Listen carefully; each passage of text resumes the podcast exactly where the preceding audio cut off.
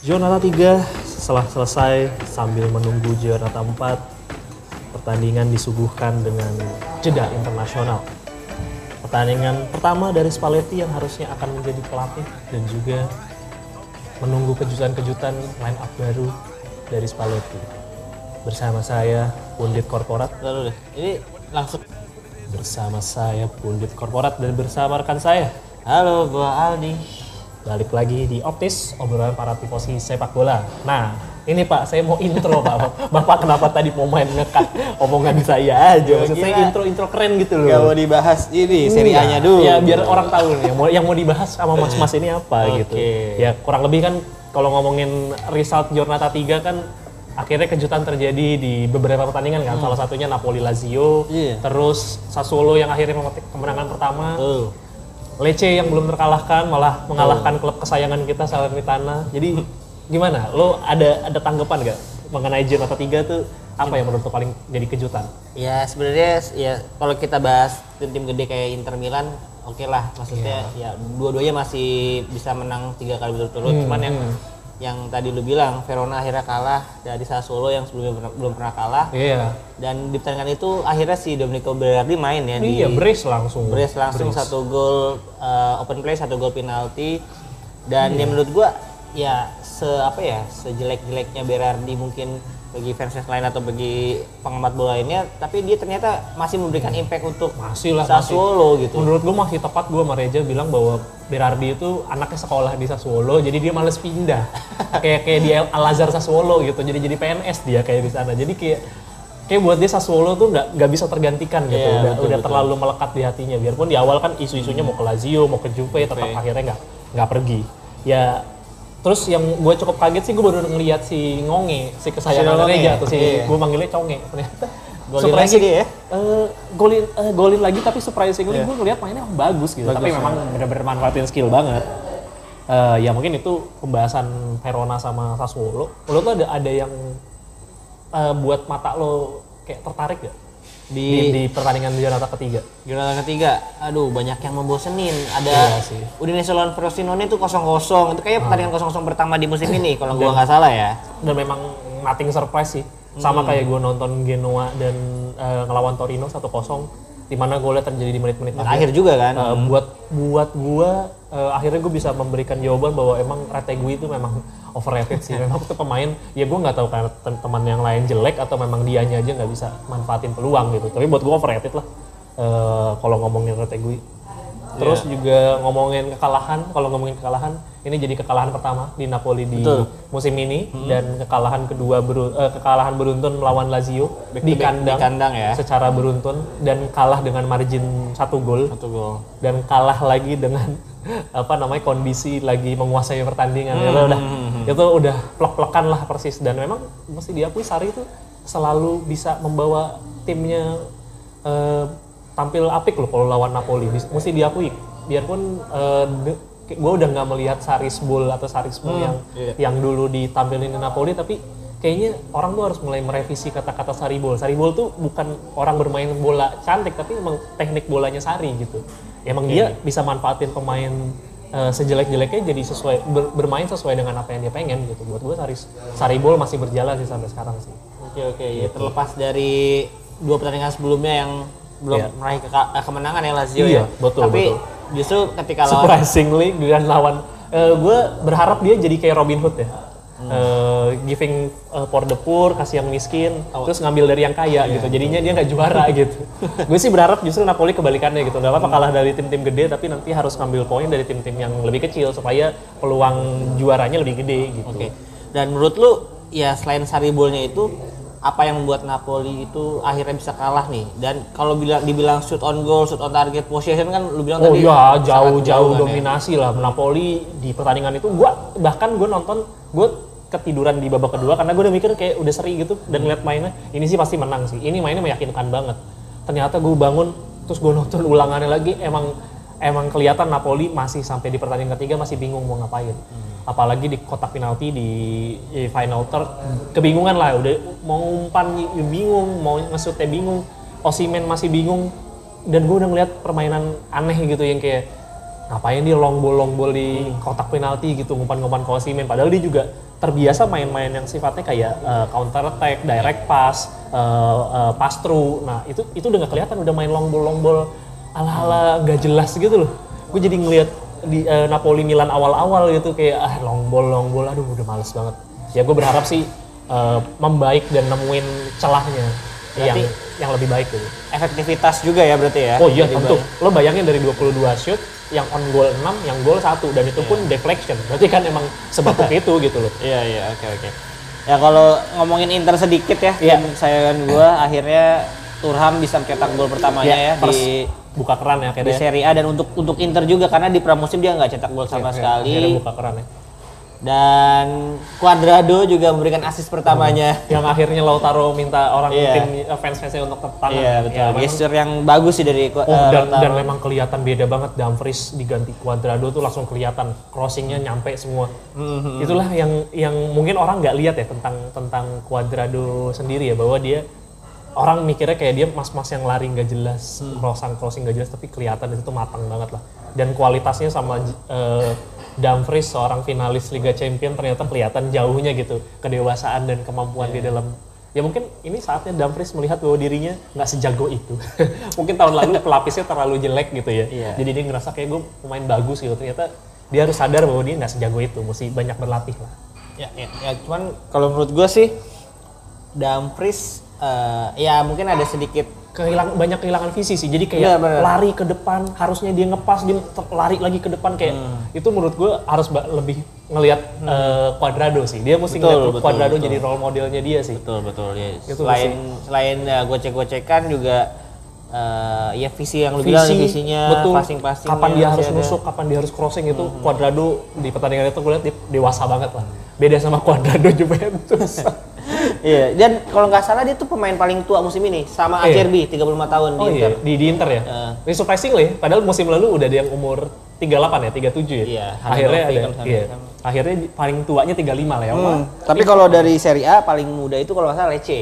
Oh Lecce ya, Nah, Lecce. 23,2 tahun rata usianya dan Oh. menariknya justru kan di awal musim ini mereka bisa perform gitu. Ya, unbeaten, unbeaten. Unbeaten. Biarpun saya nonton pertandingan lawan Salernitana, pure itu main counter attack, jadi membuat teman-teman yang tertarik untuk nonton Lecce sep- sepertinya diurungkan saja niatnya memang mainnya bi- Hmm. biasa banget lah.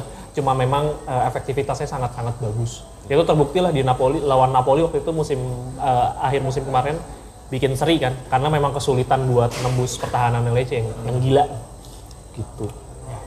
Ya mungkin ngomongin ra- eh, wrap up seri. Oh mungkin satu lagi Inter lawan eh, Inter lawan eh sorry eh, Milan lawan Roma. Roma, oh yang iya. menurut gue sih eh, akhirnya kurang eh, buat gue endingnya anti klimaks karena gue berharap mungkin dua sama terus Hmm. Iya, ngejar jadi 3-2 tapi ternyata Mourinho kehilangan sentuhan magisnya ya ketika Hmm. pemain udah 10 ngelakuin crossing dari area samping ternyata nggak jalan Hmm. juga mesti diakuin solid lah Milan ketika kehilangan Tomori ternyata masih bisa masih bisa nahan keunggulan yang cukup lama lah Iya. biarpun agak gua sesali kebobolannya jadi kan minyon gua nggak full point Iya, iya. sayang sekali Sama Tehet Hernandez gue Iya, juga nggak clean sheet ya.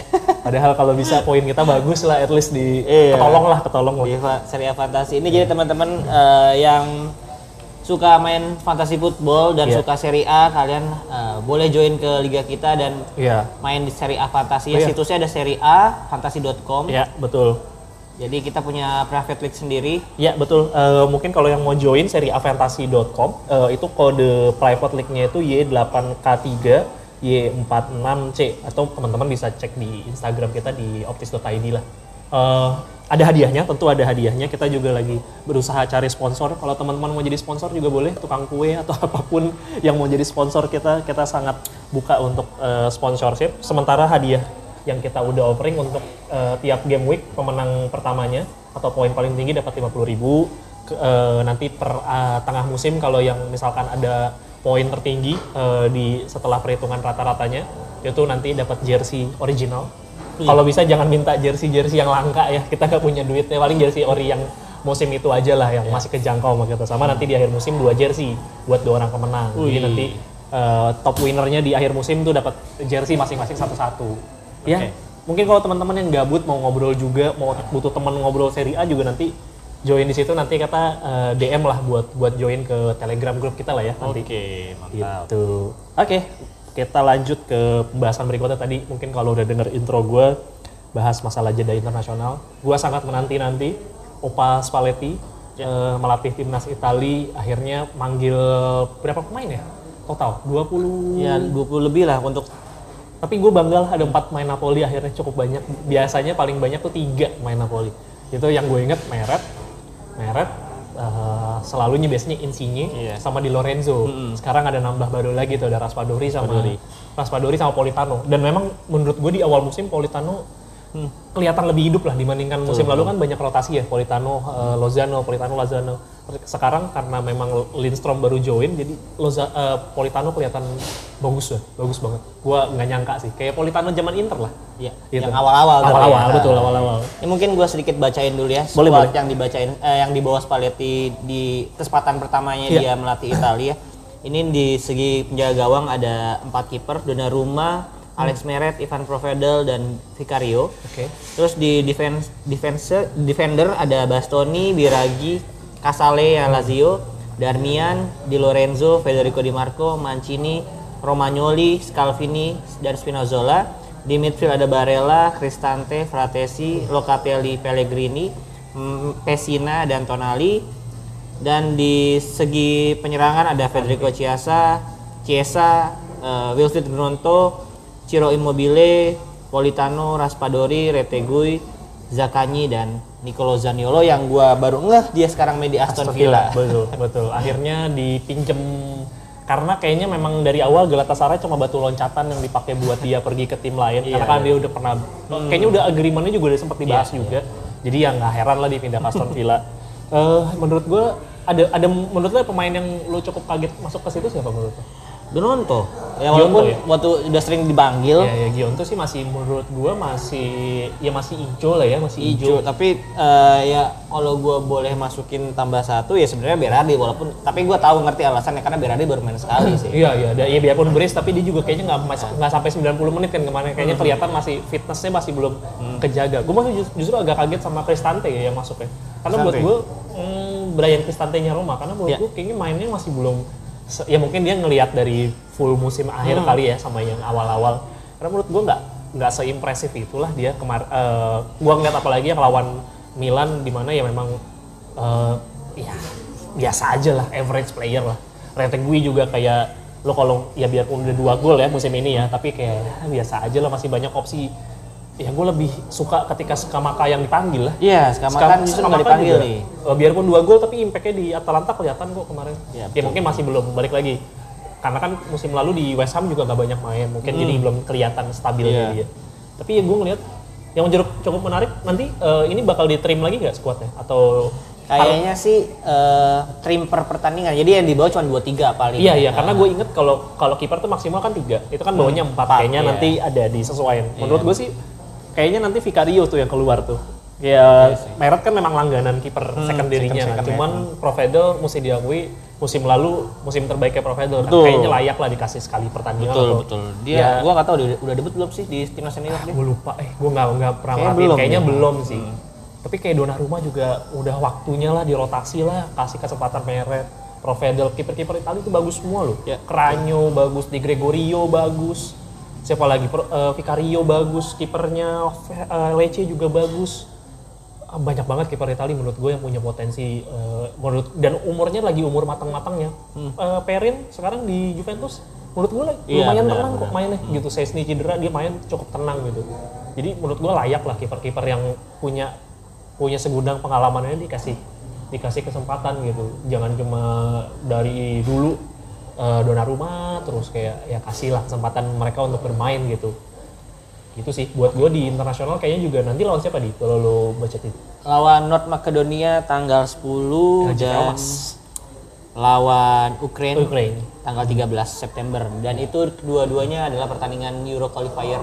iya Jadi Euro mereka qualifier. grup sama Inggris dua tim tadi, satu lagi gue lupa Malta kalau nggak salah. Oh ya, ya harusnya potensi lolosnya tinggi lah ya. Biarpun nanti mungkin dibayang-bayangin sama Ukraine kan juga bukan pemain yang ya Malinowski ya Eh, eh, di kiri tuh backnya Arsenal itu kan juga banyak main-main bagus juga lah Ukraine lah mesti diakui. Tapi kayaknya harusnya lolos lah. Dan- Apalagi juara terakhir kan kita edisi terakhir kita juara kan. Iya betul.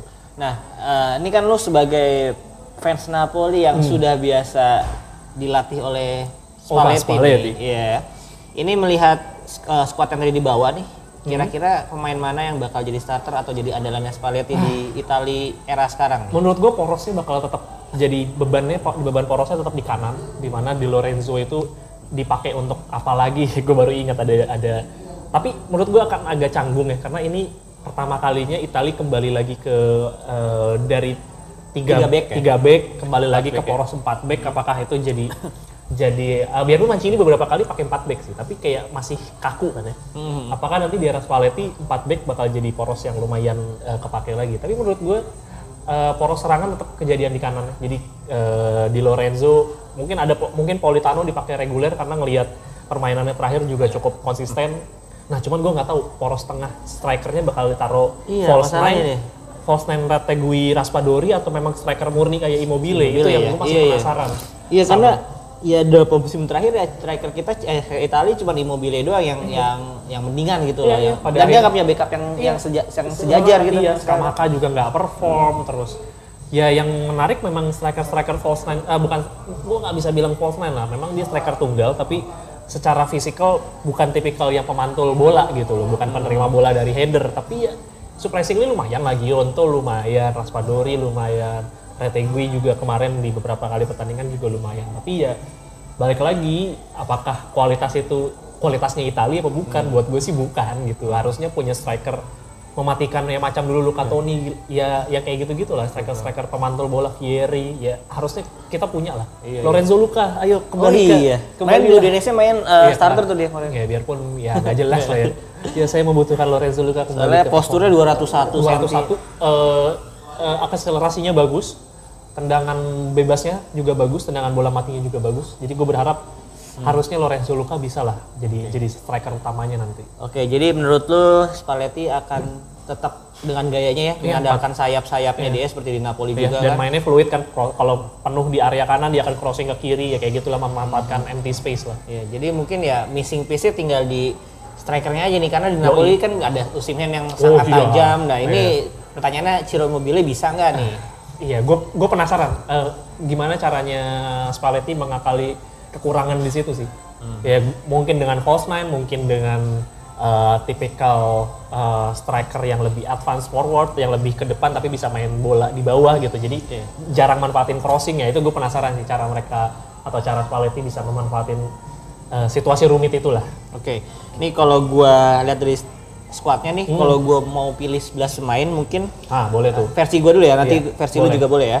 Ini kalau menurut gua yang jadi starter mungkin kiper masih Donnarumma, bek kanannya pasti di Lorenzo, tengahnya itu mungkin Mancini dan Bastoni ini agak menarik juga nih. Iya. Tapi Mancini juga jarang dipakai starter ya. Kalau Iya. dari zamannya Man- eh, Karena kan Mancini yang maka di zamannya Mancini, Mancini jarang dipakai jadi starter. Iya, takut ketuker Iya. namanya ditakut ini yang Iya, pelatih Mancini yang mana nih? Iya, terus eh, yang dulu kan juga ada masih ada Bonucci dan Iya betul juga betul. kan. betul, Jadi betul. masih Acerbi jarang. juga masih cukup sering dimainin Iya. dulu. Terus kirinya gue yakin di Marco, Marco, sih, betul. di Marco. Terus tengahnya tiga kan? Tiga apa? Dia empat tiga tiga empat Eh, dua, Empat tiga tiga tapi biasanya pakai defensive midfielder bukan attacking midfielder. Agak Oke. narik ke belakang. Oke, Betul, berarti midfielder. yang agak ke tengahnya mungkin Locatelli. betul.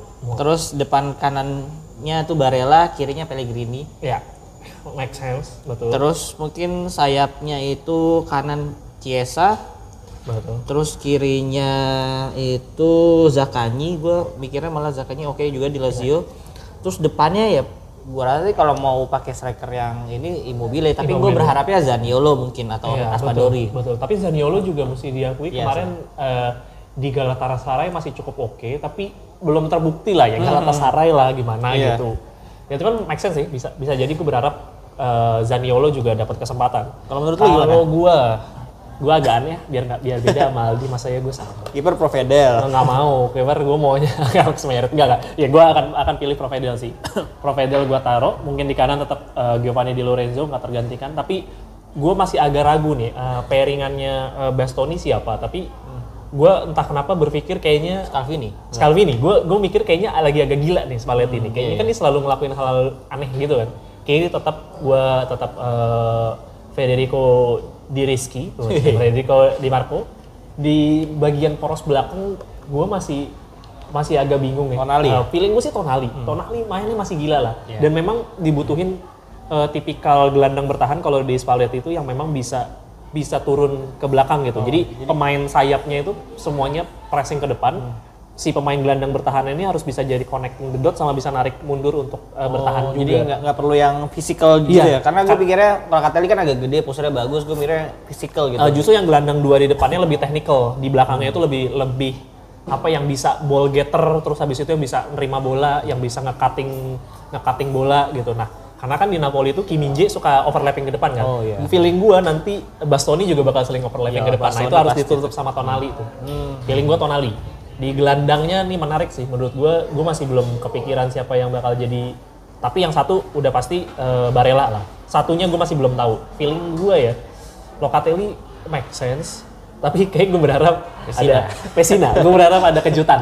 gue berharap ada kejutan. Tapi ya feeling gue eh, Pellegrini atau Locatelli lah yang punya skill lebih oke lah. Ratesi juga belum main banyak kan? belum belum di Inter belum regular. Oh malah belum main ya? Atau Udah, udah? udah. Tapi belum starter kan? Sta- substitution terus. Substitution terus kan? Iya. Di kanan gue masih berharap eh, Politano yang jadi masuk karena dia udah harusnya udah ngerti skemanya Spalletti. Jadi harusnya Chiesa. Di depan gue malah mikirnya kayaknya striker-striker pendek sih. Pilihannya antara Raspadori, Retegui atau Gionto. Tapi kayaknya gue lebih ngelihat kayaknya lebih ke Raspadori atau Retegui sih. Gionto kayaknya nanti di pertandingan lawan eh, mungkin yang pertama dia mainin lawan siapa namanya Makedonia, Makedonia Utara, tapi nanti lawan Ukraina kayaknya lebih Raspadori atau ke Retegui sih. Oke. Ya gue berharap sih ada kejutan lah dari Spalletti. Tapi karena eh, menurut gue juga Retegui beda sama yang dia di Genoa ya. Ketika Iya. dia main di Itali, dia lebih oke sih dan di debutnya juga dia langsung cetak gol Iya, waktu di itu. Coppa Italia. Walaupun lawannya Malta waktu itu. Enggak maksudnya Oh, waktu, oh, waktu oh, lawan oh iya timnas timnas. timnas. Kalau nggak salah Malta waktu itu. Ah tapi ya, ya itu membuktikan bahwa memang tidak ada striker Italia yang punya kapasitas bagus gitu sampai Hmm. lu manggil Matteo Retegui dari dari Argentina Bukan gitu dari? Argentina. Lupa. dari Argentina gue cuma lupa nama timnya aja.